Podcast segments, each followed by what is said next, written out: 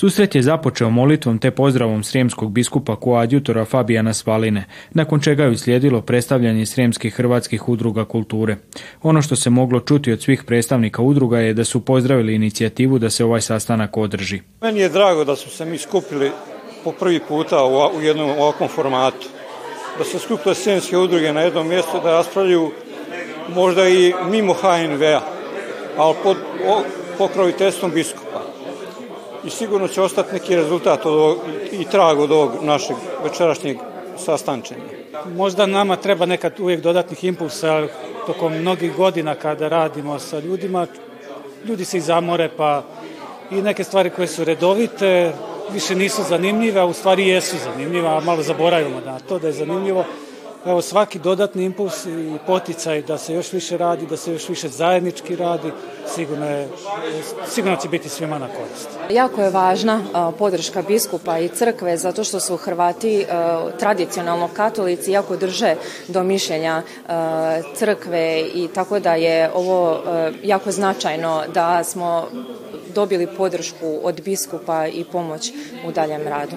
Srijemski biskup koadjutor Fabian Svalina istaknuo je da mu je želja bila željela da pruži potporu hrvatskim udrugama kulture na njihovom radu oko čuvanja kulturne, nacionalne i vjerske baštine, te da će sastanke održati i sa drugim manjinskim udrugama kulture koje djeluju na području Srijemske biskupije.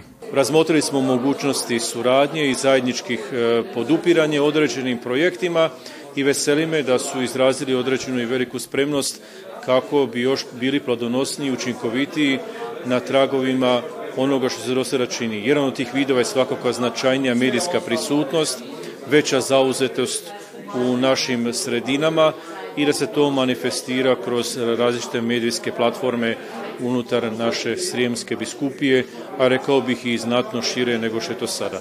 Dogovoreno je da će se u budućnosti održati još jedan ovakav sastanak, a zaključak je da potencijala ima jako puno. Gledate paletu. Izbor iz emisija na jezicima nacionalnih zajednica.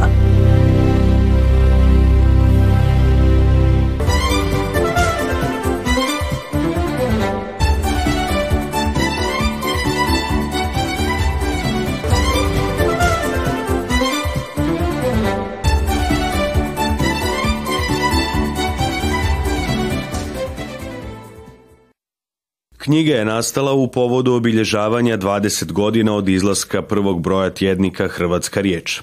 Ovo je drugo po redu predstavljanje ove zbirke intervjua, nakon što je u Subotici predstavljena prošlog mjeseca. U publikaciji su uglavnom tematika intervjua koja se odnosila ili na političke i društvena događanja, na manjinska prava i na odnose između Srbije i Hrvatske. Recimo su to neke tri glavne teme uh, i ljudi koji su uh, ili bili na dužnostima, funkcijama u kojima su bili od značaja za ova polja, kao na primjer ministri različiti, zatim veleposlanici recimo i analitičari, tumači, profesori svih tih događanja. Znamo kako je vreme bilo. Bilo je vreme e, rata, e, bilo je vreme straha. Taj strah se još uvek zadržao kod ljudi i upravo e, no, ova, ova knjiga Hrvatska riječ kao i svi drugi E, mediji koji pokušavaju da prenose dobru reč pomoći će e, svima nama da se oslobodimo od straha, da izađemo u javnost, da pokažemo tu svoju dobru volju, da pokažemo e, ono što su do sada ostavili Hrvati Kriteriji izbora intervjua bio je ne ograničiti se samo na hrvatsku zajednicu, nego izaći iz okvira i intervjuirati ljude koji nisu u zajednici. Svoj doprinos u formi sugovornika dali su, među ostalima, i novinari Zoran Panović i Veran Matić, čiji su se intervjui za hrvatsku riječ našli u knjizi. Oni su se osvrnuli na kompleksne odnose Hrvatske i Srbije, ali i podsjetili na važnost očuvanja mira i međusobnog razumijevanja. Za razumevanje ove knjige ja tu uvek govorim, potreban je ključ, morate da imate ključ da je ključate da bi ukapirali o čemu se radi. Znači, a radi se da, da mi živimo svi ovde u dimenzijama koje su paralelne. Te paralelne dimenzije karakterišu tipično su hrvatske odnose. S jedne strane imate situaciju da su stvari bitno popravile, da su s druge strane imate situaciju kao da se nije odmaklo nigde, ne, gde se neka stalo. Tako da, to uvek treba uključiti u, u pokušaj da se, da se te stvari razumeju. Tako dve godine sam bio često prisutan na zajedničkim komemoracijama u Hrvatskoj, predstavnika Hrvatske vlade, srpske zajednice i mislim da je to jedan od ključeva za suočavanje sa tom prošlošću i nadvladavanje te prošlosti na jedan vrlo konstruktivan način, ne zbog same prošlosti, nego zbog naše budućnosti, a da e, ne bude e, zaborava e, u odnosu na, na, na, na ono sve što se dogodilo. Nakon predstavljanja u Subotici i Beogradu, knjiga će biti promovirana i na Novosadskom sajmu knjiga, a u planu je predstaviti je i studentima na Filozofskom fakultetu u Novom Sadu. Gledate paletu. Izbor iz emisija na jezicima nacionalnih zajednica.